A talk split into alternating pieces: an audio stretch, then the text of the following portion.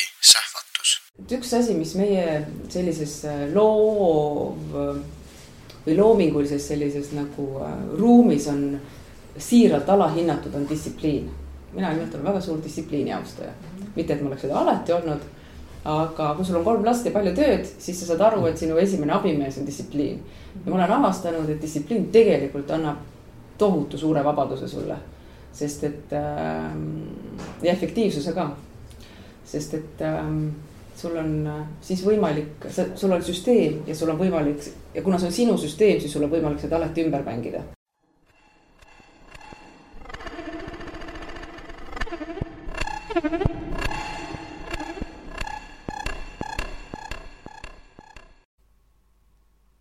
oma sähvatusi on tulnud jagama Reet Aus. Reet ise nimetab ennast paduroheliseks. ta on tuntud moedisainer ja ettevõtja. Täna ta avab oma loomeprotsessi telgitaguseid. muuhulgas saad teada, miks on oluline distsipliin, miks hinnata ebaõnnestumist ja milline väljakutse ootab teda Indias. küsivad Piret Jeedas ja Indrek Maripuu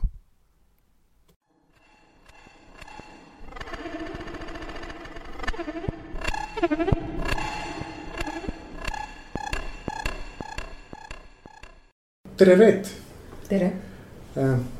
Aitäh, et leidsid aega meiega äh, kohtuda ja vestelda. ja tahaksime loovusest rääkida ja sinu kogemusest ja sinu mõtetest sellel teemal. meil on sissejuhatav küsimus mõeldud selline, et äh, mille vastu sina täna uudishimulik oled? elu vastu ma arvan, et inimesed lihtsalt äh, ongi, kas on rohkem loomu poolest uudishimulikumad äh, või on nad vähem uudishimulikumad ja ma arvan, et. Äh, et üldjuhul on see heas mõttes uudishimulikkus selline väga edasiviiv jõud. ja mm, ta kindlasti on seotud paljuski siis selliste nagu otsingutega või noh, pidevalt nagu minu jaoks ennekõike seotud sellega, et, et ma siis soovin aru saada, kuidas mingid asjad maailmas töötavad või millised on need protsessid, mis on mingite nähtuste taga. ehk siis ähm, pigem on see minu uudishimu selline nagu äh, sissepoole, kui et niivõrd väga nagu laialivalguv, et, et ähm, see on üks selline huvitav asi, mis ilmselt tuleb eaga või, või, või, või kogemusega, et, et kui sa avastad äh, Äh, ühe teema, mis sulle pakub huvi ja mida rohkem sa sellesse süvened, seda, seda laiemaks läheb kogu maailm. et see on selline mm -hmm. nagu väga huvitav selline nagu neeldumise efekt või see, ma arvan, et sellest on palju räägitud. ühel hetkel sa avastad, see vastabki tõele, et see ei ole lihtsalt mingisugune klišee või mingisugune kirjeldus, vaid et see tegelikult vastabki tõele, et kui sa suudad äh, süveneda justkui nagu ühte teemasse, siis kogu ülejäänud maailm kuidagi plahvatuslikult ka laieneb selle ümber. aga, aga ometi öeldakse ju, et kuidagi, et lapsed on palju uudishimulikumad, et me täiskasvanuna kaotame kuskil ära, et. mina isiklikult ei tunne, et mul oleks ära kadunud, aga kuidas sa suhtud sellesse väitesse üldse?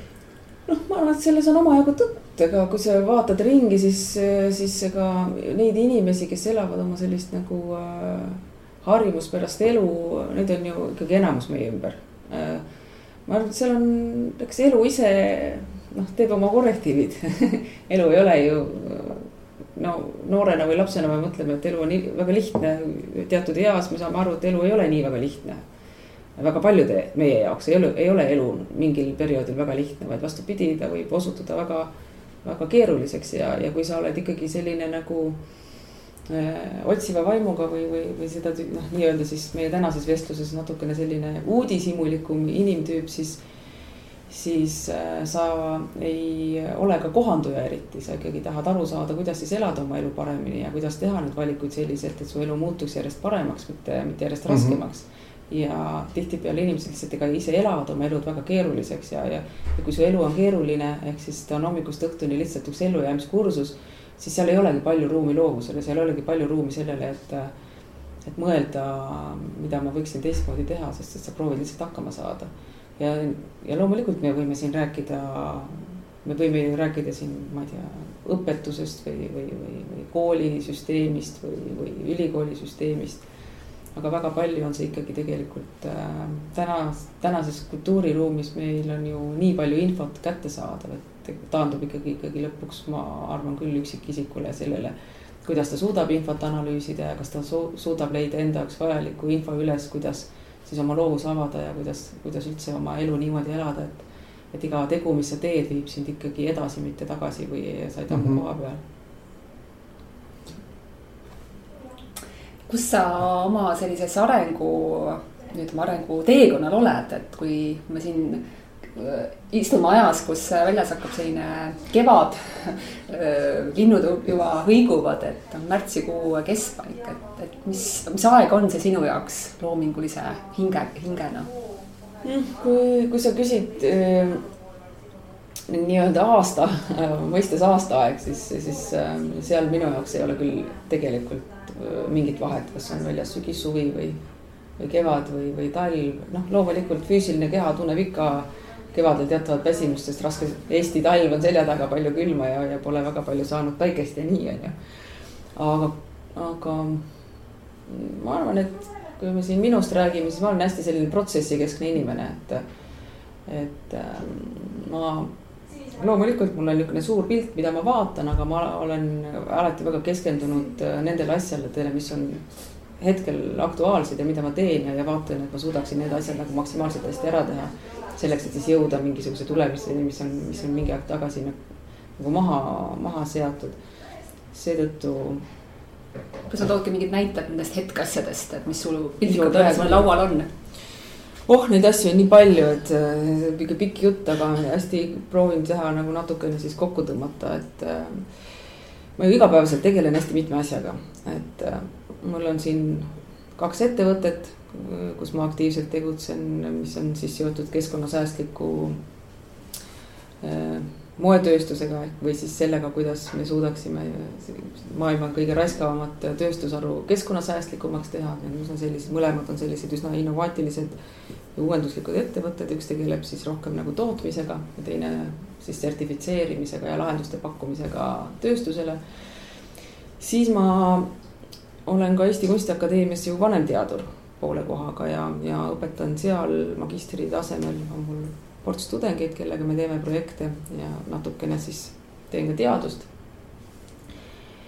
ja siis öö, osa minu ajast, mitte väike, vaid päris suur osa minu ajast praegu läheb ka Tallinna Linnateatrile, kus ma olen peakunstnik. mul seal esietendus välja tulemas kahekümne neljandal Uku Uusbergiga Põhjas. et need on niisugused nagu siis neli põhilist asja, mis praegu mu päevad täidavad, lisaks siis kodu ja, ja lapsed. mul tekib siit lihtsalt see küsimus kohe, et äh, kui äh, noh, jälle selline klassikaline lähenemine ütleb, et selleks, et mingid heureka hetked saaks tekkida ja mingid äh, uued ideed, et noh, et siis on vaja sellist noh, nagu noh, Paul esimese aega, kus Newton oli või ma ei tea, Vannis, eks ju, kus Archimedes oli. Ühesõnaga mingit mollutamise aega, aga et äh, noh, sa oled näide täpselt vastupidisest, et see, mis sa just kirjeldasid, sul on nagu nii palju rolle, et siia vist nagu väga palju sihukest molutamisaega ei mahu, et. et kuidas see molutamine ja uued ideed, kuidas see sinu jaoks üldse seostub mm,? kui sa oskad selle koha endas üles leida hetkega, siis sul ei ole vaja seda ootama jääda, et ma olen küll selle koolkonna esindaja, Mati Unt oli näiteks selle koolkonna esindaja, ütles, et mis inspiratsioon, istu laua taha ja hakka tegema mm. -hmm. et äh, mul on samamoodi, mul on vaja kavandid joonistada, ma istun, hakkan tegema, et äh, ma, sest ma olen aru saanud, et see koht meie enda sees, ehk siis mida me nimetame kas inspiratsiooniks või loovuseks või, või kreatiivsuseks või ükskõik, kuidas me tahame, see on meiega kogu aeg. sa pead lihtsalt oskama ümber lülitada mm. -hmm. et mõnel inimesel lihtsalt äh, kulub selleks võib-olla kolm päeva, ta istub ja ootab, äh, millal see ilmestub aga seda on võimalik ise esile kutsuda mm. -hmm.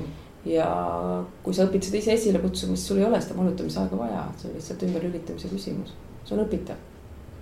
Oskad sa mõne hea nõuande anda kellelegi, kes kuulab praegu, ütleb, et, et ei, nii mul küll nii ei ole, on ju. oskan ikka mine laua taha ja hakka tööle no esimene asi on ennast, noh, peab aru saama, et see on väljaspool mõtlemise protsessi mm. -hmm. et ähm, see on vast nagu kõige olulisem aru saada, et sa suudad ennast selleks, et, et siis selline nagu taipamise või see vau-efekt tuleks või selleks, et sa, et sul loovus hakkaks voolama, pead sa minema teisele poole mõtteid.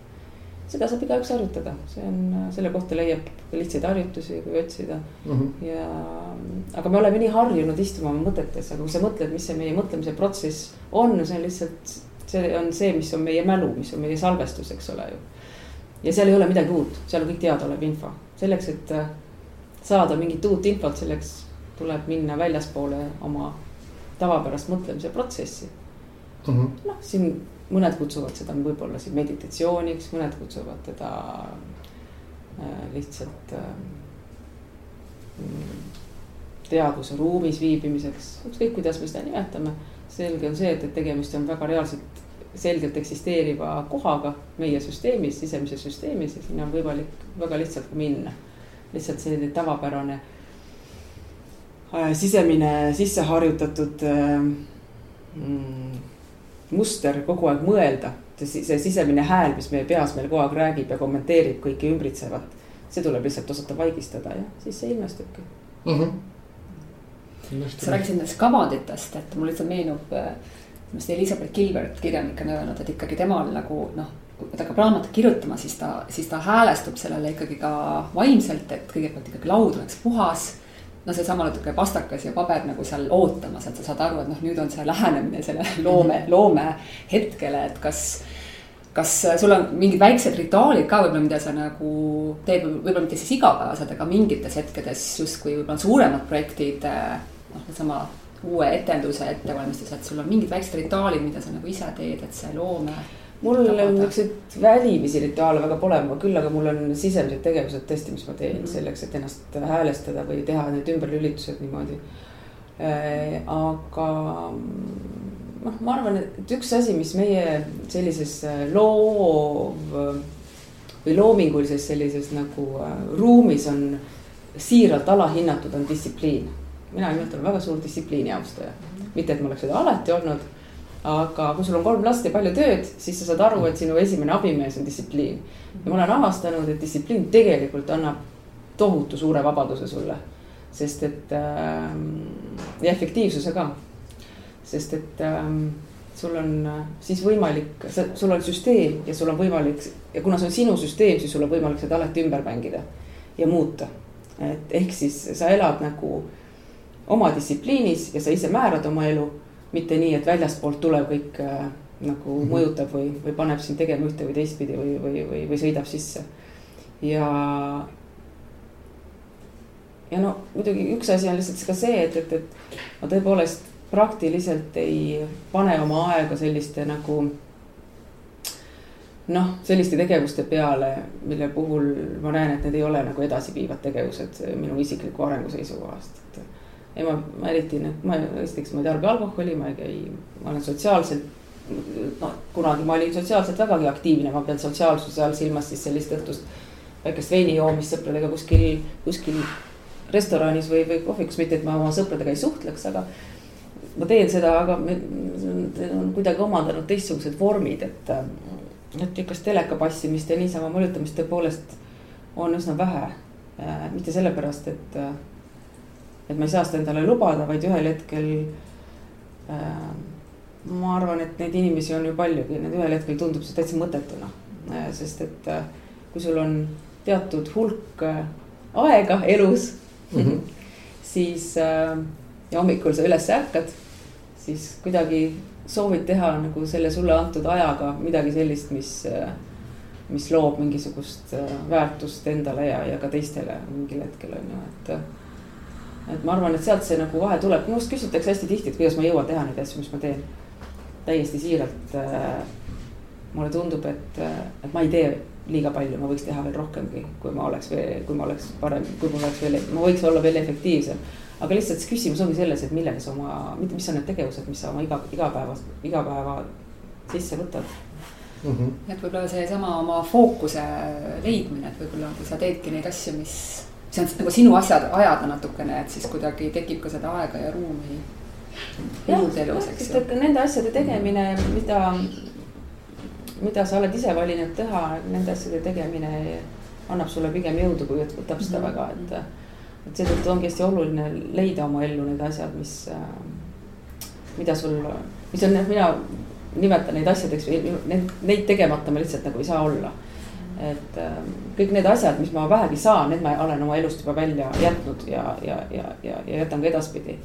et kui mul on midagi mis tuleb mu laua peale, siis ma väga selgelt pean vaatama, saama aru, et kas ma saan rahulikult edasi min-, minna ilma seda tegemata või mitte ja kui ma ei saa, siis ma pean selle ikkagi ära tegema ja võtan ka selle teha.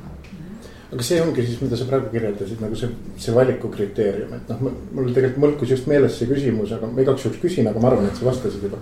Et, et kas see, mille järgi sa selekteerid neid tegevusi, ongi seotud sellega, et variant üks, et noh, mis tundub nagu enda jaoks oluline, enda arengut toetav ja nii edasi. või variant kaks, et sul on kuskil noh, mingi suur eesmärk ja siis noh, sa võrdled kogu aeg selle eesmärgiga, et. et kas see viib mind, mind nüüd sinnapoole lähemale või on see mingi kombinatsioon? see on just see, mida sa viimasena kirjeldasid, et tegelikult äh, need tegevused, mida ma igapäevaselt teen, on ikkagi väga selgelt seotud mingisuguse endale, ma niisugust viite aastat umbes hoian enda silmade ees või noh vahest ka pikemat perioodi, vahest lühemat on ju, aga, aga kui need tegevused äh, ei vii ja noh, see on väga sügavalt seotud mu isikliku arenguga, et seal, seal see ei ole seotud võib-olla siis selliste väliste väärtustega, vaid pigem oma sisemiste väärtustega. Äh, ja ma ikkagi igat tegevust peegeldan nagu niimoodi ette ja siis tagasi saada aru, et kas, kas nüüd see tegevus, mis mu lauale tulnud on, kas ma läbi selle õpin midagi, mis ma läbi selle õpin või on see on see nüüd midagi sellist, mis, mida ma teen ära lihtsalt sellepärast, et saada, et saada see nagu eest ära või noh, täpselt niimoodi vaatadki kogu aeg, et mm. -hmm. ja noh, alati sa vaatad ka seda aspekti, et kas see on midagi, mida sa teist, sa teed teistele või on see midagi, mida sa teed, endale. Et ühel hetkel on see ka hästi äärmiselt oluline, et, et sa annad ka midagi tagasi mm. -hmm. ehk siis teed teistele, kui sa oled ise küps selleks, et midagi, midagi nii-öelda tagasi anda mm. -hmm. et selle piiri äratajumine on ka oluline. sa mainisid seda visiooni, sellist no, nagu mingi pilt silme ees, et, et äh, on sul mingid jällegi nagu mingid praktikad või rituaalid, kuidas sa selle visiooniga kokku saad, et, et ma arvan, et noh.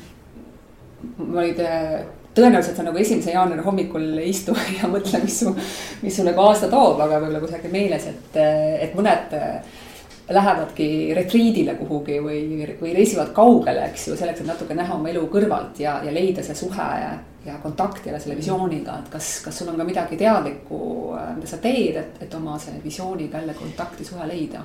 jah, ja ikka ma ja noh, ma teen seda tegelikult ikkagi igapäevaselt. ma arvan, et see on nagu üks selline oluline, vast et kõige olulisem asi, et sa oled oma oled siis nii-öelda iseendaga kontaktis oma kõrgema minaga, nagu ükskõik kuidas me seda soovime täna nimetada, on ju. aga mina teen seda sellise nagu sa võid, ma lihtsalt nagu vaatan. no seda vist on kõige õigem nimetada vaatamiseks, et ma ei mõtle selle üle, ma väga ei arutle selle üle. vaid ähm, seesama koht, kus, kus see loovus äh, ilmneb, seal ilmneb ka selline nagu inspiratsioon ja, ja, ja intuitsioon. ja siis noh, mõni kutsub seda, ma ei tea, kõhutundeks või mhm. ükskõik, kuidas seda nimetama. aga jah, see on jälle taaskord üks selline koht sinu süsteemis, kuhu sa lähed ja, ja, ja kus sa, kus sa, kus sa vaatad ja siis sa lihtsalt saad aru, mis sinna nagu sobib ja mis sinna ei sobi. see on selline nagu sisemine tegevus. aga kas, kas selline loogika kehtib ka näiteks, ma ei tea, kui seda varsti välja tuleva esietenduse tööd pihta hakkasid, et kas oli seal nagu ka mingi see lõpp-pilt ees ja siis hakkad nagu sinna minema või, või, või see on kuidagi tööde lõikes erinev, et. eks ta natuke erinev ja lõppkokkuvõttes on, on seesama loovuse rakendamine ikka üks ja sama asi on ju, et sa tegelikult noh, mina kasutan seda vaatamist, sest ma olen hästi visuaalne, kuna ma töötan visuaaliga hästi palju mm, -hmm. eks eks, mis kõige, mis, milline meel kõige lähedasem kellelgi on. aga noh, kui ma näiteks hakkan kavandit tegema, kui me võtame kasvõi selle viimase lavastuse, mis välja on tulemas, siis jah, ma loen teksti läbi, siis ma nagu visualiseerin seda. vahest on see midagi sellist, mis seal tagaajus mul tiksub nagu mingisugust pikemat perioodi ja, ja ilma, et ma selle peale mõtleks. siis mingi hetk, kui sa vaatad, saad aru, et see on küpseks saanud, siis ma lihtsalt istun maha ja joonistan kavandid, et ma. ma ei tööta juba aastaid niimoodi, et ma joonistan lõputult kavandeid ja siis hakkan sealt valima, et ma ei istu üldse laua taha enne maha, kui mul nagu peas ei ole see asi valmis küpsenud, et ma jo, istun maha ainult selleks, et vormistada mm. -hmm. et kui mul on see kontseptsioon ja, ja visuaal nagu enda peas nii selgeks küpsenud, et. et ma tean, mis ma tahan või soovin nagu öelda ja väljendada, siis. nii et sa mõnes mõttes käid selle selle loomeprotsessi alguses selle kontseptsiooniga nagu ringi mõnes mõttes. ja ta tiksub seal kuskil tagaajus, ma ei tegele temaga aktiivselt, aga ta seal ütleme siis nii, et noh.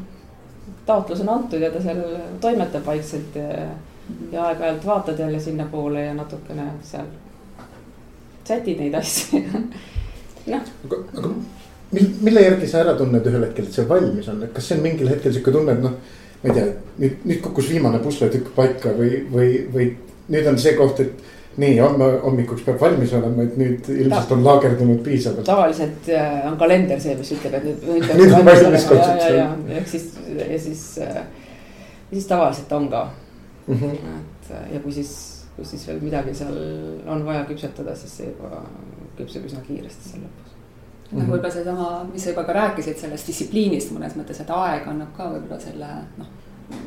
suuna, eks ju, ja mulle kuidagi meeldib see mõte, et aeg on loominguline piirang, eks ju, et ükskõik, kas sul on siis seda nädal või, või kuu, eks ju, aga. aga et, et, et ka mõelda nagu sellest loomeprotsessist jah, kui teatud distsipliinist, eks ju mm. -hmm. Mm -hmm aga, aga kas selle protsessi sees on ka sellist noh, nagu mõned nii-öelda loojad kirjeldavad, et kuskil äh, mingil hetkel hakkad pihta, sul on see lõppeesmärk ja siis hakkad sinnapoole liikuma ja kuskil keskel on selline noh, sihuke segaduse faas.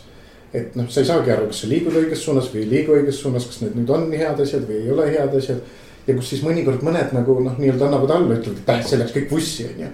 aga, aga teised kirjeldavad, et ei, et see ongi nagu see, see loomise koht ja siit tuleb läbi minna, kuna sa lood midagi uut, siis sa ei saanudki ette teada, mis seal nagu toimub, et resoneerub midagi nendest mhm. kuidagi? no mina kirjeldaksin seda nagu seda info kogumise hetkeks, et see kindlasti ei ole see midagi negatiivset, vaid see on mm -hmm. see hetk, kus äh, enne seda, kui asi saab valmis sul. Äh, ja see ei ole üldse erinev, see on ühesugune nii, ma ei tea, akadeemilises protsessis, kirjutamise protsessis, äris. Äh, mingis teises loomingulises protsessis, alguses sa pead koguma infot, on ju.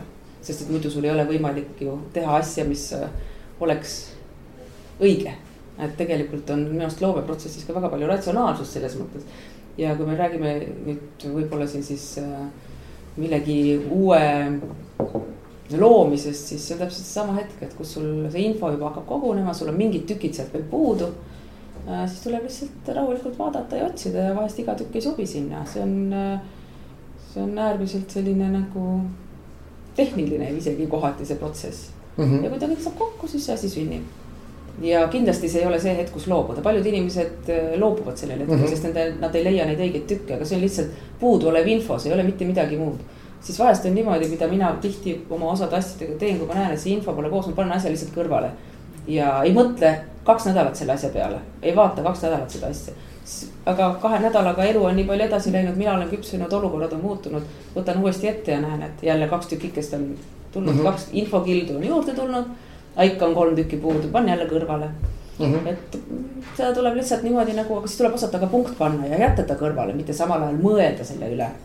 et asjad üldiselt ei taha nagu loominguline protsess ei taha ülemõtlemist, see on üks asi, millest ma olen aru saanud.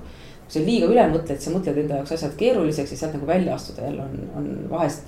see ongi see hetk, kust inimesed nagu loobuvad, et et meie mõistus oskab asjad väga-väga keeruliseks teha, siis tulebki panna täiesti kõrvale riiuli peale, mul on ikka riiul mm, -hmm. panen sinna asjad mm. -hmm.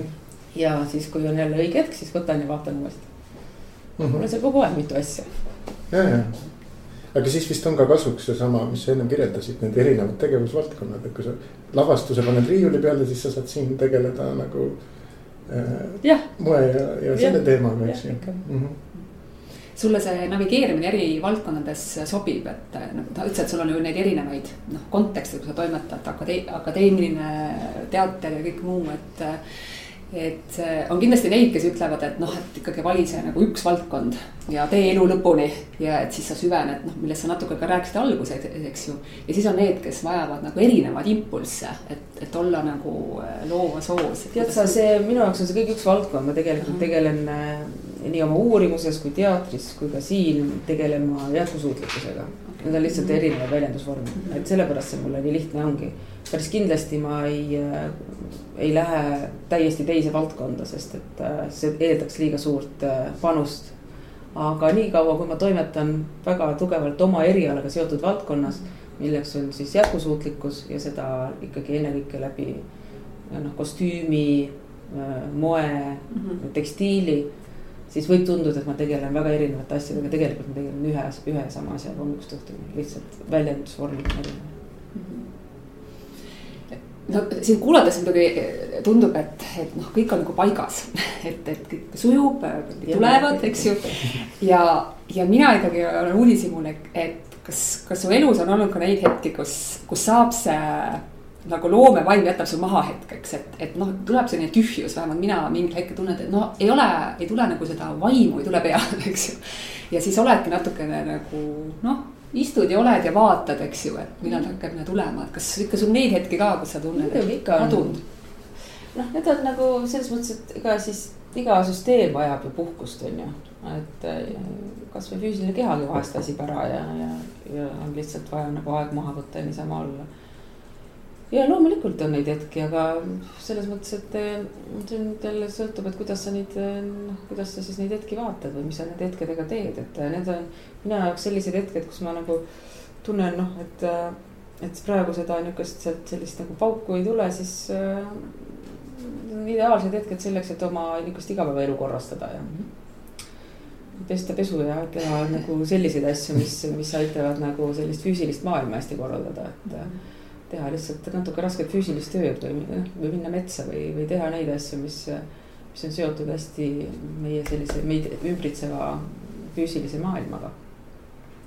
sest äh, sellised tegevused õudselt hästi aitavad jällegi sellel teisel süsteemil puhata või sealt korraks nagu eemalduda ja, ja tuua tähelepanu täiesti ära, et aga siis on ka hästi oluline, et sa ei mõtle samal ajal nende asjade peale.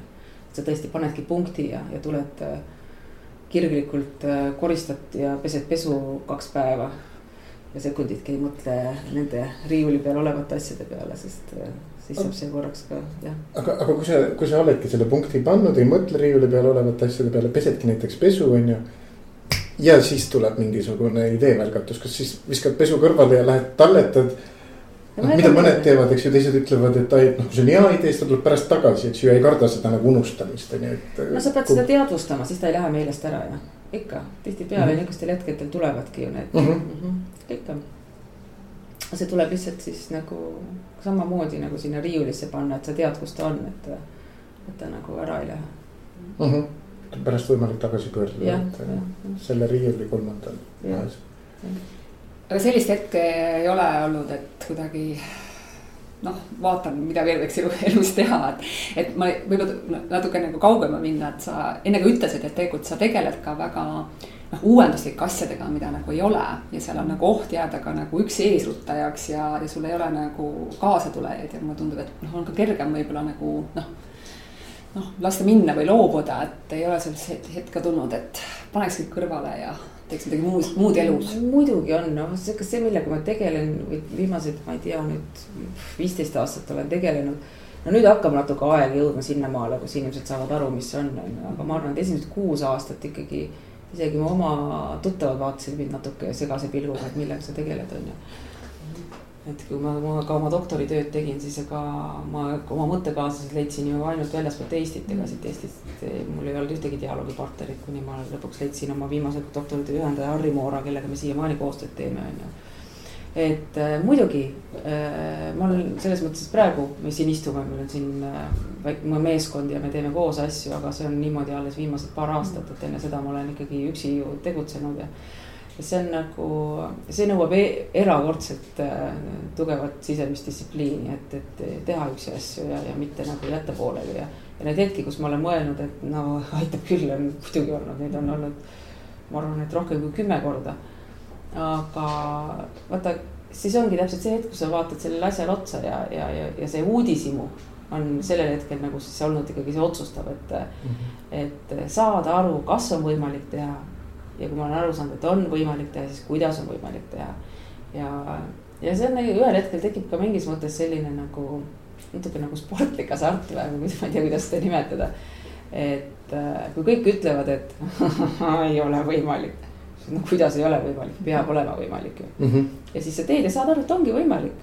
siis sa pead ju hakkama selgitama inimestele, et kuulge, näete, tegelikult on võimalik. no ei tea, kas ikka on ja siis ei ole midagi, teed arvutused ta-ta-ta, pa-pa-pa, noh, aga ka meie, see, mis me siin teeme, kui me võtame kasvõi sellesama meie kaubamärgi ma ei läinud seda tegema äh, disaineri ambitsioonist, et ma tahan teha, et ma tahan kaubamärki teha ja riideid disainida. see oli tegelikult ju kõik äh, sellisest uurimusest välja kasvanud äh, katsetus mm,. väga pikaaegne, mis ühel hetkel lihtsalt äh, selle, ma sain aru, et selleks, et, et tööstusele tõestada, et, et ikkagi on võimalik asju eetiliselt teha. tuleb teha siis see oma kaubamärk selleks, et et ta ka oleks majanduslikult jätkusuutlik ja et, et inimesed saaksid aru, et meil on tegelikult olemas alternatiiv. aga loomulikult, kui sa teed midagi, mida tehaksegi maailmas esimest korda ja sul ei ole raamatut, kust lugeda, kuidas seda teha, siis sa teedki nii, et sa teed mingisuguse sammu. ja siis sa saad vaatad, ootad niimoodi, kas nüüd läks täppi või ei läinud täppi. väga -hmm. tihti on see, et sa teed kolm sammu, saad aru, oi pagan, siit edasi enam ei saa, lähed jälle kaks sammu tagasi, võtad järgmise tee. et see on, ma arvan, et kõik, kes teevad midagi esimest korda, on seda kogenud, sa ei saagi. kui sa oled õnnelik, vahest sa oled, vahest sul on nii hea nagu õnn, et sa teed esimese korraga õigesti. aga üldjuhul sa ikkagi äh, ebaõnnestud äh, pidevalt ja, ja proovid lihtsalt uuesti. Aga noh, kuidagi sellises läänelikus äh, kultuuriruumis ebaõnnestumine on nagu nii Äh, nagu alaväärtustatud äh, või millegipärast see tundub nii kohutav asi mm. -hmm. siis äh, ma jällegi siinkohal olen väga sügaval arusaamisel, et vastupidi. loomulikult on väga hea, kui sul läheb kõik hästi, aga kui midagi ei õnnestu, siis on see täpselt see hetk, kus seda tuleb vaadata mitte kui ebaõnnestumist, vaid kui. Kui ühte protsessi, mis ei viinud mind sihile, järelikult ma tegin kuskil vea ja siis tuleb proovida uuesti ja saada aru, mis, mis viga see oli ja minna teist teed, et et ma ei tea, võib-olla osad ei, võib-olla ma võin tunduda nagu ka kohati lõputult äh, jäärapäine või et äh, aga, aga niikaua, kui, kui seal on veel võimalus õppida või niikaua, kui on veel võimalus teha teistmoodi. et sa ei jookse peaga vastu seina, nii kaua tuleb proovida.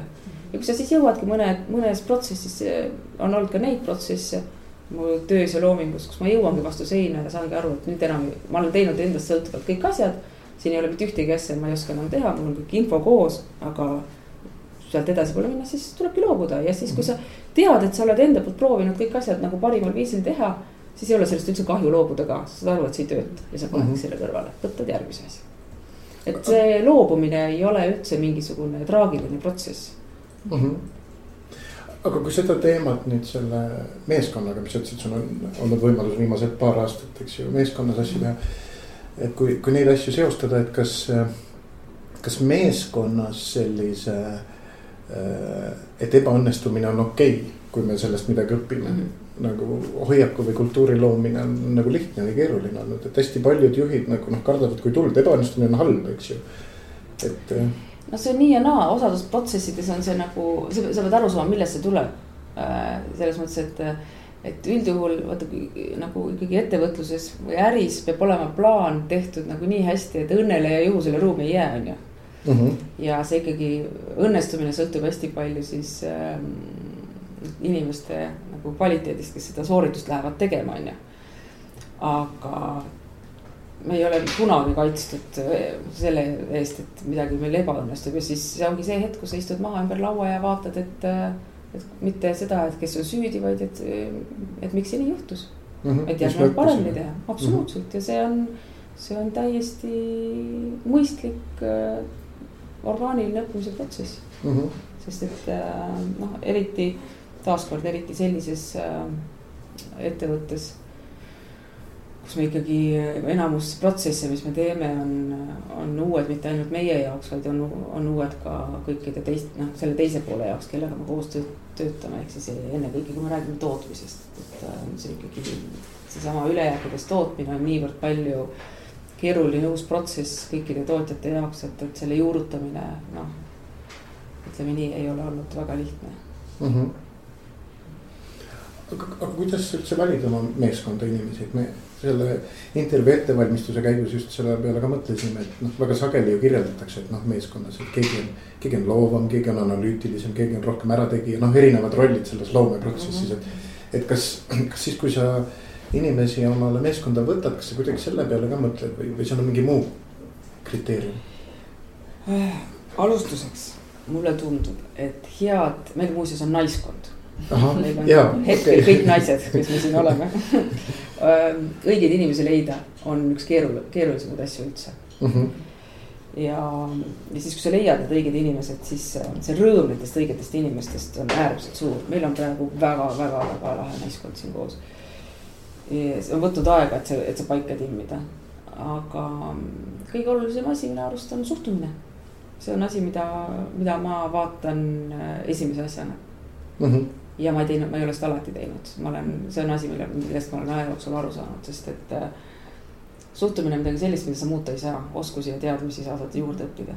et kui inimene oma suhtumisega sobib siia sellesse mees, naiskonda ja, ja sellesse ettevõttesse või, või siis ükskõik millisesse, millisesse mees- või naiskonda, siis, siis on kõik korras. aga kõige keerulisem on ikkagi, no selge on see, et meie teist inimest muuta saa, keegi ei saa teist inimest muuta mm, -hmm. et äh, küll aga sa saad talle õpetada mingisuguseid asju või inimene ise saab õppida juurde asju, mida tal on erialaselt vaja, nii et kõige olulisem on ikkagi mm -hmm. see, et tal oleks, et inimesel, kes tuleb, oleks selline suhtumine, mis sobib. no mis see suhtumine on, et äh, mis avatud, aus ja avatud jah mm, -hmm. meil on nagu, kuna me, meid on vähe, kõik teevad üsna paljusid asju mm. -hmm. Siis meil on äh, niisugused väikesed, kuid väga olulised asjad, mis peavad olema, ausus on number üks, et meil ei toimu mitte mingisugust sellist nagu. on ühekihiline suhtlus siis ütleme mm -hmm. nii ja otsekohene, et, äh, et just nimelt vältida siis äh, mingisuguseid äh, probleeme, mis võivad tulla sellest, et kommunikatsioon on millest. eetilisus tänu sellele, mhm. mida me teeme, on ääretult oluline mm. -hmm. ja siis äh, ikkagi ka selline sisemine distsipliin ja töökus, et inimestel on ikkagi väga, meil on üsna selline nagu tasapinnaline organisatsioon, sellist nagu väga jõulist hierarhiat siin ei ole, et, et igaüks ikkagi loob oma süsteemi ise, milles ta töötab. ja see eeldab nagu hästi tugevat äh, enesedistsipliini kui me siia saabusime, siis ma saan aru, et oli teil mingi esmaspäevane koosolek või mis teil toimus, mis te tegite siin, et me, seda nädalat käivitada või? me alustame iga, iga esmaspäeva hommikul sellega, et me räägime kõik teemad läbi, mis on, mis nädal toob ja mis on vaja teha. nii et see oli siis kord nädalas sellised mm, -hmm. esmaspäev on siis see päev, mis te meeskonnaga veel teete koos? sa mõtled, et väljaspool tööaega või? Kas ka töö, tööga seotult, et kuidas te siis oma, oma nagu meeskonna vaimu üleval hoiate või polegi seda võib-olla vaja, kui on kõik nii ennast juhtivad ja distsiplineeritud inimesed no,? meil, meid muidugi ühendab siin hästi tugev kirg äh, sellise jätkusuutliku maailma vastu ja enamus meist on siin sellised. mitte lihtsalt natuke rohekad, vaid ikka padurohelised on ju, et äh, heas mõttes. et äh, ja me selles mõttes meil on nagu kuna me reisime üsna palju mm, -hmm. siis me tegelikult eh, noh, ma veedan nende inimestega ka üsna palju sellist aega koos, mis on töö, tööaja väline, et me just olime kaks nädalat Indias siin poole tiimiga, et siis sa näed seda inimest iga nurga alt, õpid teda tundma mhm. erinevates olukordades ja see on äh,, mõjub sellisele nagu igapäeva nagu nii-öelda kontorirutiinile õudselt hästi. kui me noh, noh. et kui me ennem sellisest individuaalsest loovusest nagu rääkisime, seda enda kogemust jagasime. kas teil on nagu mingi, ma ei tea me,, meeskondliku loovuse esilekutsumise viisid nagu ka, et kas te teete ajurünnakuid või, või, või mingeid, et panete nüüd mingi väljakutse laua peale ja koos mõtlete sada ideed välja ja siis valite ja. ühe ja ikka teeme, me teeme erinevatel teemadel neid pidevalt, et kui te ära lähete, siis meil siin varsti hakkabki, hakkame järgmise poole aasta selliseid nagu eesmärke üheskoos nagu lauale panema ja mm. me sellised nagu suured, suure, suurema fookuse me alati paneme ikka üheskoos paika, et kõigil on siin nagu. võimalus ja, ja, ja soov kaasa rääkida mm. -hmm aga need reisid, äh, ma kujutan ette, ega ju need on tegelikult õppimisvõimalused ja kohad, et, et väli, noh, see konteksti muutmine, India kindlasti on, on selline, kus sa nagu vaatadki kõike, aga teise, teise poolega, kas te teete ka mingit nagu sellist analüüsi äh, erinevatest noh reisidest, et, et mis kuidagi jääb silma või mis inspireerib, et, et võib ka ju reisi kasutada kui inspiratsioonina ja vaadata, et oh, see jäi silma või see oli põnev, et see võib olla kasvõi. käite koos söömas mõnes toredas kohvikus ja, ja sealt midagi nagu äh, jääb, jääb nagu meelde. teete sellist? Mm, no seda me niimoodi nagu regulaarselt ei tee, aga see on midagi, mis tuleb kaasa igal juhul on ju, et, et see on sellised nagu selline nagu koos veedetud aeg inimesega, kellega sa teed ka loomingulist äh, tööd koos, alati seob väga hästi, sest sa õpid tegelikult ikka, inimene koosneb pisiasjadest, et see selles mõttes igasugune nagu jälgimine, teise inimese jälgimine ja arusaamine, kus on ta üks või teine asi või mille peale ta reageerib või, või mis teda inspireerib. see on äärmiselt oluline õppida tundma neid inimesi, kellega sa igapäevaselt koos töötad ja, ja ma arvan, et see on hästi niisugune nagu, nagu rühma dünaamikale mõjub see üli, ülihästi jah, ja tõenäoliselt, kui on selline ka väiksem seltskond, ideede ja. jagamine on ka mõnes mõttes orgaaniline, et kui ja. sa ka märkad, siis, siis, siis tood selle kohe lauale, et sa ei pea ootama seda järgmist kuu koosolekut, kus oma ideid arendada või välja tuua, vaid see ongi nagu osa mhm. mingist praktikast, et märkasin, nägin ja oli äge mm. -hmm sa enne, ma lähen natuke loost tagasi, sa enne tõid ka välja selle, et tegelikult alguses äh, ei olnud seal väga neid kaasamõtteid nagu Eestis ja, ja tegelikult oli välismaal, et. et on sul tänaseks ka kujunenud mingi selline oma noh, toetajate võrgustik või inimeste ring, kes kuidagi on sinu, sa tead, et nad on sinu jaoks nagu olemas. et üks noh, ükskõik kus, kus oled oma loometeekonnas või mingis koha, kohas, et tunned, et vot kes on need inimesed, kellele ma võiksin helistada, et rääkida, kus ma olen mm.. ma. hea küsimus, eh, kas sa mõtled erialaselt niimoodi nagu äh, ja globa-, globaalselt? see ei pea üldse olema, et lihtsalt, et kas sul on mingi selline oma, oma ring inimesi, kes, kes on sinu jaoks kuidagi olemas? ja on küll ja, ja ma olen no, üldiselt üsna selline mm,. mul on sellised äh, pikaajalised äh, mõned väga lähedased inimesed, kes on minu elus olnud palju-palju aastaid ja kes niisugune võib-olla, ma isegi ütleks, et see on päris suur ring, kes on mul niisugused väga lähedased inimesed, kellega ma kõike jagan, aga, aga need ei, aga ta on üsna mööda maailma laiali pillutatud küll jah, et, et mul on, mul on siin niisugused äh, inimesed, kellega ma ka oma erialaseid võib-olla ja elulisi asju arutan, äh, on, jagunevad võib-olla pooled Eestis ja pooled mujal, et äh, nii erialaselt tõesti aastate jooksul on neid tekkinud äh, nii Londonis kui Mehhikos kui USA-s kui Indias, et äh, niisugused tõesti sellised äh, sellised äh, erialased siis sellised inimesed, kellega meil on tekkinud ka väga niisugune hea isiklik kontakt ja kellega me tõepoolest räägime nagu mm,. Jah, kellega ma saan hästi peegeldada siis oma mingisuguseid isiklikke asju ka. ja ma, üks asi, millest ma olen ka aja jooksul aru saanud, et äh, kui teema on üks, siis, äh, siis tegelikult see koht, kus sa asetsed planeedil ei oma nagu mitte mingisugust tähendust mm. -hmm et vahepeal mul isegi nagu natukene oli selline hetk, kus ma mõtlesin, et, et mida ma siin, ma, ma tahan Eestis elada ja ma ei koli siit kunagi, sest et see on mu kodu ja nii, onju. Aga kogu selline erialane diskussioon või minu jaoks siis oluline diskussioon oli väljaspool Eestit mm. -hmm.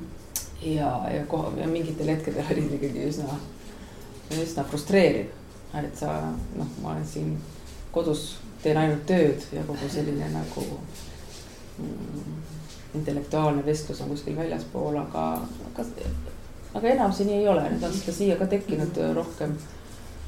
võib-olla ka läbi paljude tegevuste, mis ja läbi selle, et, et, et ma teen ka palju rohkem koostööd või et, et, et meil on ka mingisugused mees, mul on ka tekkinud meeskond siin ja, ja, ja ma olen nagu ka meeskonna liige kuskil mujal mm. -hmm. aga jah, vastus on, et jah, on ikka mm. -hmm kas see, kas see jätkusuutliku moe teema, kui seda nii võib nimetada, kuidas sa seda täpselt nimetad. et sa ütlesid, et alguses nagu siin kohapeal vaadati ka nagu hästi niimoodi, et oot, et millega sa tegeled.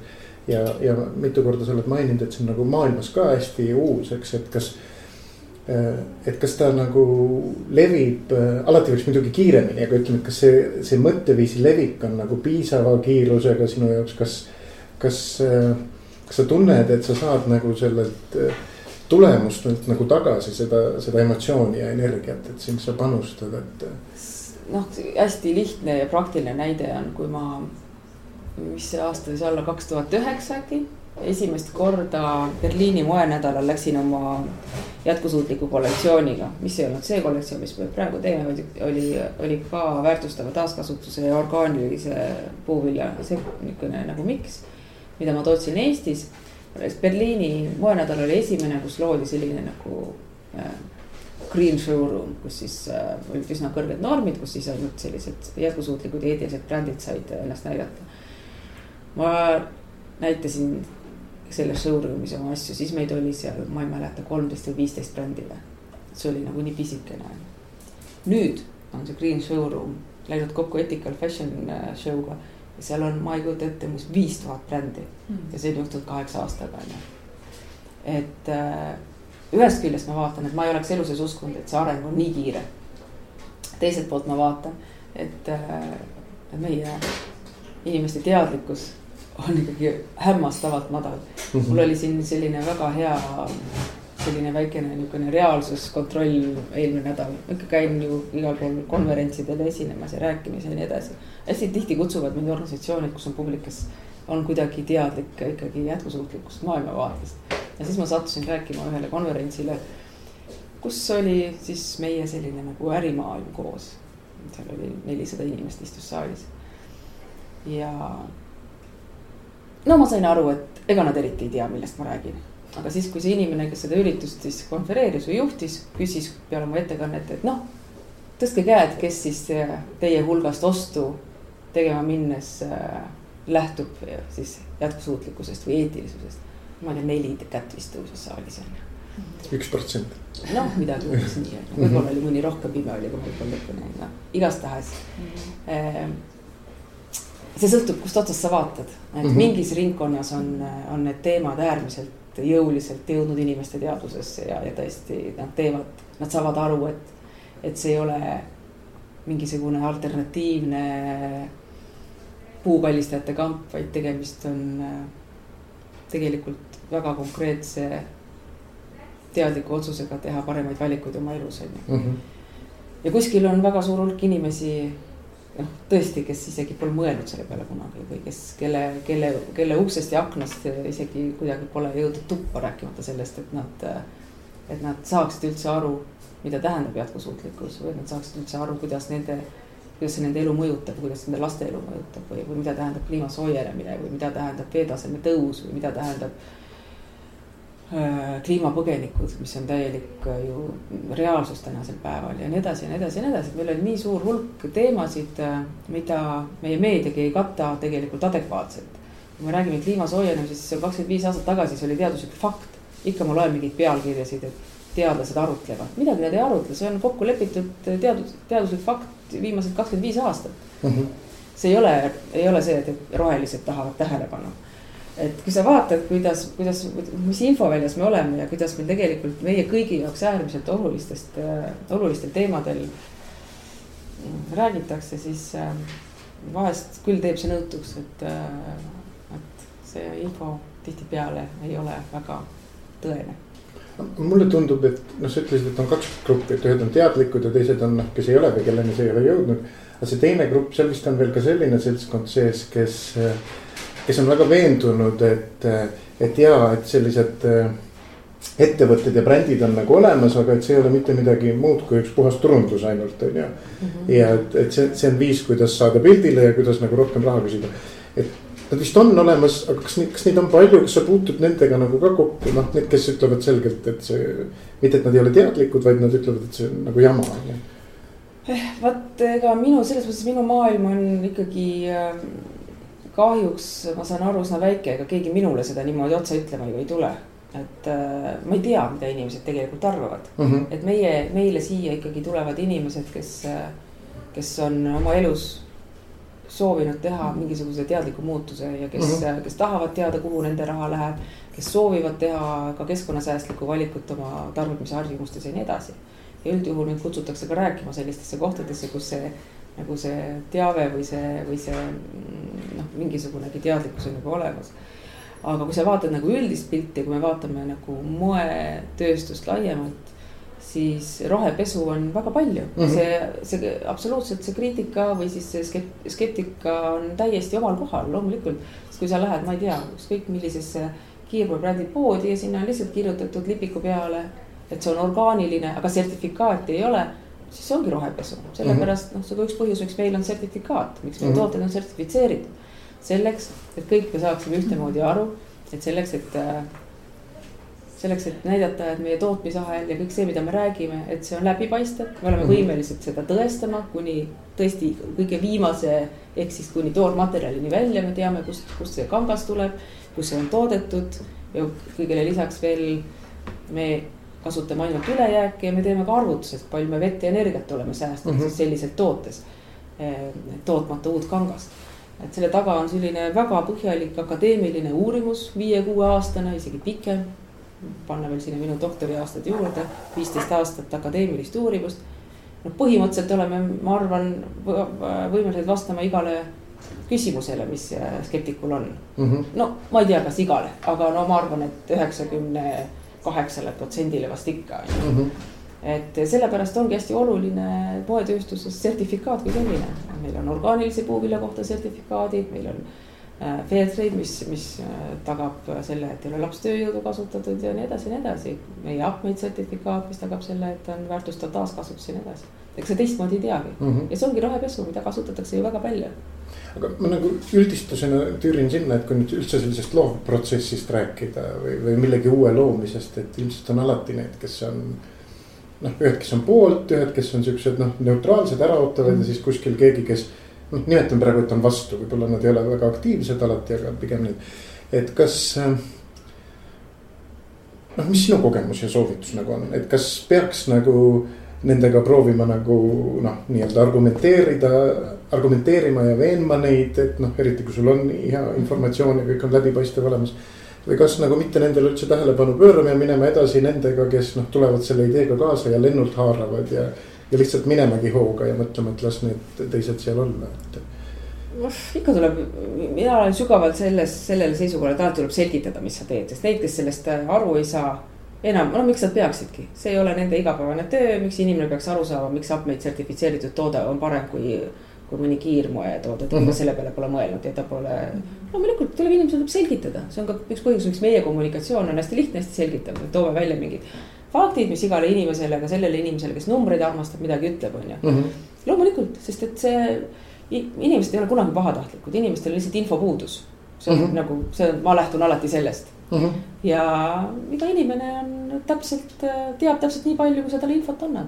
ja üldjuhul minu kogemus ikkagi ma isegi julgeks öelda sada protsenti on selline, et kui ma isegi mõne väga skeptilise inimesega asun vestlema siis meie vestluse lõpuks ta ütleb, et ahaa, okei okay,, nüüd ma saan aru, mis värki te teete mm. -hmm. et see on nii, nii lihtne ja loogiline asi, et, et siin nagu see ei ole nagu, siin ei ole võimalik nagu sõtta minna või siin ei ole võimalik äh, argumenteerida ühte või teistpidi väga palju, see on lihtsalt, äh, sa selgitad inimesele selle ära, see on nii lihtne, loogiline, ütleb, okei okay,, jumala äge kontseptsioon. Hmm,, selge mm, -hmm. jah. Võib-olla siin tulebki see ka erinevate kuidagi selles mõttes keelte teema, et me saame ühest samast fenomenist sageli nagu lähtuvalt sellest, kust me tuleme, väga erinevalt. Ja võib-olla mm -hmm. siis see selgitamise või vestluse protsess saabki ja peabki olema nagu pikem, et mm, -hmm. et, et see jõuaks kohale või tekiksid need seosed inimestes. no vot, see on alati ka niimoodi, et kui noh, kust me oma info saame, meedia annab meile selle info on ju ja meie meediaruumis muidugi lähevad kõik asjad ühte patta on ju, tihtipeale, et noh, et ähm, ma ütlen jumal, ma täiesti julgelt ütlen, et ma olen paduroheline, sest ma, sest ma olen. aga samas noh, päris kindlasti ei ole võimalik mind panna ühte patta äh, inimestega, kes, kes äh,, kes emotsionaalselt äh, põhjendavad mingeid asju, ma kindlasti seisan seal ratsionaalsema poole peal mm. -hmm. ehk siis äh, äh, ka mind vahest ajavad naerma väga paljud aktsioonid, mis on sellised emotsiooni pealt tehtud ja, ja, ja, ja sa näed, näed, kui lihtne on nüüd seda tegelikult ju ümber lükata ja, ja, ja, ja selline nagu ja loomulikult, kui sa ei tea nagu taustasid ja siis kuidagi kõik see, ah, see on üks hipindus, see läheb kõik sinna ühte niisugusesse patta mhm. on ju ja seda on jumala eest, seda on nii lihtne teha nagu osad inimesed, nii nagu väga suur osa äh, sellist nagu loovinimest paneb rahainimesi ühte, et ah, need on rahainimesed või need on need pangainimesed või need on need hipid või need on need puukallistajad. et see on selline nagu, see kuidagi käib nii lihtsalt meil äh, Mm -hmm. et aga kui sa nagu natukene ikkagi süvened ja natukene saad aru, mis ühe või teise asja taga on, siis üldiselt on, kõik on ju inimesed ja igalühel on oma mingisugused äh, huvid ja fookused ja, ja, ja üldjuhul on väga, vägagi lihtne selgitada oma seisukohtasid inimestele, kes on valmis kuulama mm. -hmm. üldjuhul inimesed on valmis kuulama mis veel, ma saan aru, et siin ees ootab ju kohe Äh, Reedal ka siin jär, järgmiste eesmärkide mm -hmm. seadmise protsess, et äh, mis, mis me veel tahaksime teada, enne kui saame siis lasta sind oma meeskonnaga toimetama. mind, mind hästi huvitab ka see meie lõpuküsimus, aga enne kui seda küsida, mõtlesin, et äkki sul on veel midagi, mis on aha, küsimata, et mis, mis sul siin, sellest sa juba rääkisid, et, et tuleb esietendus, mida põnevat veel on võib-olla tulemas, mida sa saad natuke paotada, et millega mida sa võiksid meile veel öelda oma mm. loome, loomeviljade kohta mm? -hmm. no meil on tegelikult üks suur protsess, mida me alustasime siin veebruaris Indias, me hakkame siin äh, disainistuudio kolib meil poole kohaga Indiasse tõenäoliselt, see on nüüd selline, selline suuremat sorti protsess, mis meil siin käimas on.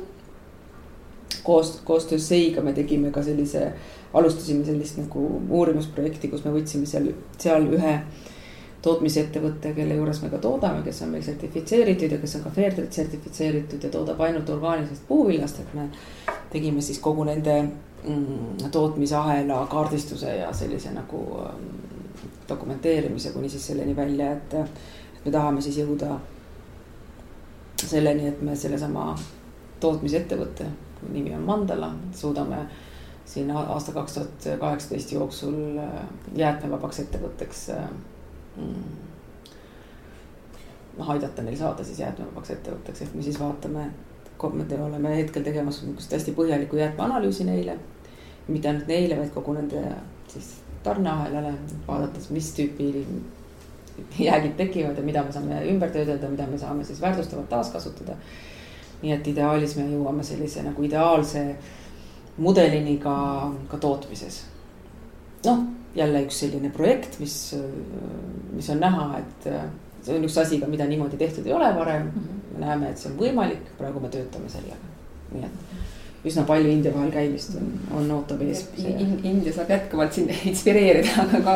aga, aga kui, kui lihtne seda ettevõtet nagu selles mõttes leida oli, et ma, ma eeldan, et seal on mingisugune võtmeisik, kes nagu noh, hästi kergelt klikkis ära, et siin ei olnud vaja nagu väga pikka nagu veenmistööd, vaid nad tunduvad, et nii paadis, et, et.... ja no vot, kui sa, see ongi, kui sa lähed Aasiasse ja tootmisettevõtete juurde, siis nende jaoks on see jäätmeprobleem erakordselt tõsine ja suur probleem, et mm. -hmm et kõik siiamaani, kui me jätame meie esimese tehase, kellega me viis aastat tagasi alustasime kõrvale, kus me selle põhiresearch'i või uurimuse tegime. siis ülejäänud ettevõtted on kõik tulnud sedapidi, et nad ise pöörduvad meie poole mm. -hmm. et kas me tuleksime, aitaksime neid äh, efektiivsemaks muutuda ja sedasama upcycling ut, mis tahab meid sertifikaati mhm. juurutada ja nii edasi. kui me nüüd räägime sellest mandalast, siis jah, seal on hästi tugev liider, on sellel väga kihvt naine, pikalt Euroopas elanud, selles mõttes sellise natuke euroopaliku äh, Mm, nagu äh, töökultuuriga. tema suur ülesanne on, on, äh, kuna India, Indias äh, puuviljakasvatus on seotud väga suurte probleemidega ja, ja, ja noh, ütleme siis niimoodi, et ka naiste väärtustamisega on nagu on, noh, tea, palju te seda kultuuritausta seal Indias teate, aga, aga see on üks, üks pikk ja väga tõsine teema, sest tema tehas ja tema ettevõte on on väga tugevate selliste sotsiaalsete eesmärkidega. alates nii lihtsatest asjadest, et, et kui nad võtavad naise tööle, siis nad teevad alati naisterahvale oma eraldi pangakonto, kuhu ta palk läheb, sest muidu palgapäeval on mehed kõik seal tehase ukse taga. reas ja raha võetakse naise käest ära, juuakse maha, on ju. no need pisiasjad mm, -hmm. mis meile tunduvad täiesti absurdsed mm, -hmm. naljakad asjad. kuni selleni välja, et neil on fond loodud, et, et lapsed saaksid kooli minna, laste, laste koolitamiseks ja nii edasi ja nii edasi ja nii edasi, et meie tõepoolest, meie selline nagu äh, mõistmine ikkagi toimus selle esimesest kohtumisest peale, me saime aru, et me tegelikult saame siin meie omalt poolt väga tugeva keskkonna aspektiga, nemad omalt poolt väga tugeva sotsiaalse aspektiga. tekkis nagu väga kaunis sünergia, mida me siin praegu arendame ja teeme, et, et väga äh,, väga huvitav ja, ja, väga palju sellist nagu uut teadmist loov koostöö seal mm. -hmm. väga kihvt. väga põnev mm. -hmm. on küll põnev jah. ma jätan sulle siis. küsime, küsime meie viimase küsimuse jah et, ähm, et mida sa soovitaksid karjääri alguses olevale iseendale loovuse ja ideede osas just, et. et kas on midagi sellist, mis sa oled selle aja jooksul avastanud, et tõesti alguses ma sain sellest täiesti valesti aru. Ainult üks asi, ma arvan, kõik kahetseda ju ei ole midagi, kõik on, kõik asjad, mis sa õpid, on head, aga ma arvan, üks asi, mida ma küll soovitaksin ja ma soovitaksin seda mitte ainult iseendale, vaid ka kõikidele teistele inimestele, et mitte võtta asju isiklikult mm. -hmm. sest et äh, see on üks väga suur äh, ja väga palju kannatust toov äh, asi, et inimesed nagu väga samastavad iseennast oma loominguga või, või sellega, mis nad teevad ja, ja. ja sellest, sellest ongi raske nagu välja saada või üle saada et ma mäletan ka oma mingeid esimesi teatritöid, kus ma olin seal teinud kavandid ja siis lavastaja noh, ütleb, mis ta arvab ja mulle tundub see, et nagu, et kuidas sa siis nüüd niimoodi noh. Lähed koju ja nutad kaks tundi on ju. ühel hetkel saad aru, et need on kaks erinevat asja, üks on su loomeprotsess mm. -hmm. ja teine on see, mis oled sina ise, et neid ei saa nagu segi ajada. väga hea, minu meelest see on nii kihvt mõte, millega lõpetada mm. -hmm. ja sulle siis äh, jätkuvalt äh, loomingulist äh, nii-öelda tulepuhanguid, ükskõik, kas siis siin Eestis, mujal maailmas ja. või siis Indias, kuhu sa ka tõenäoliselt ju varsti läheb minemas oled mm. -hmm. jah, aitäh, tore mm. -hmm. aitäh. aitäh.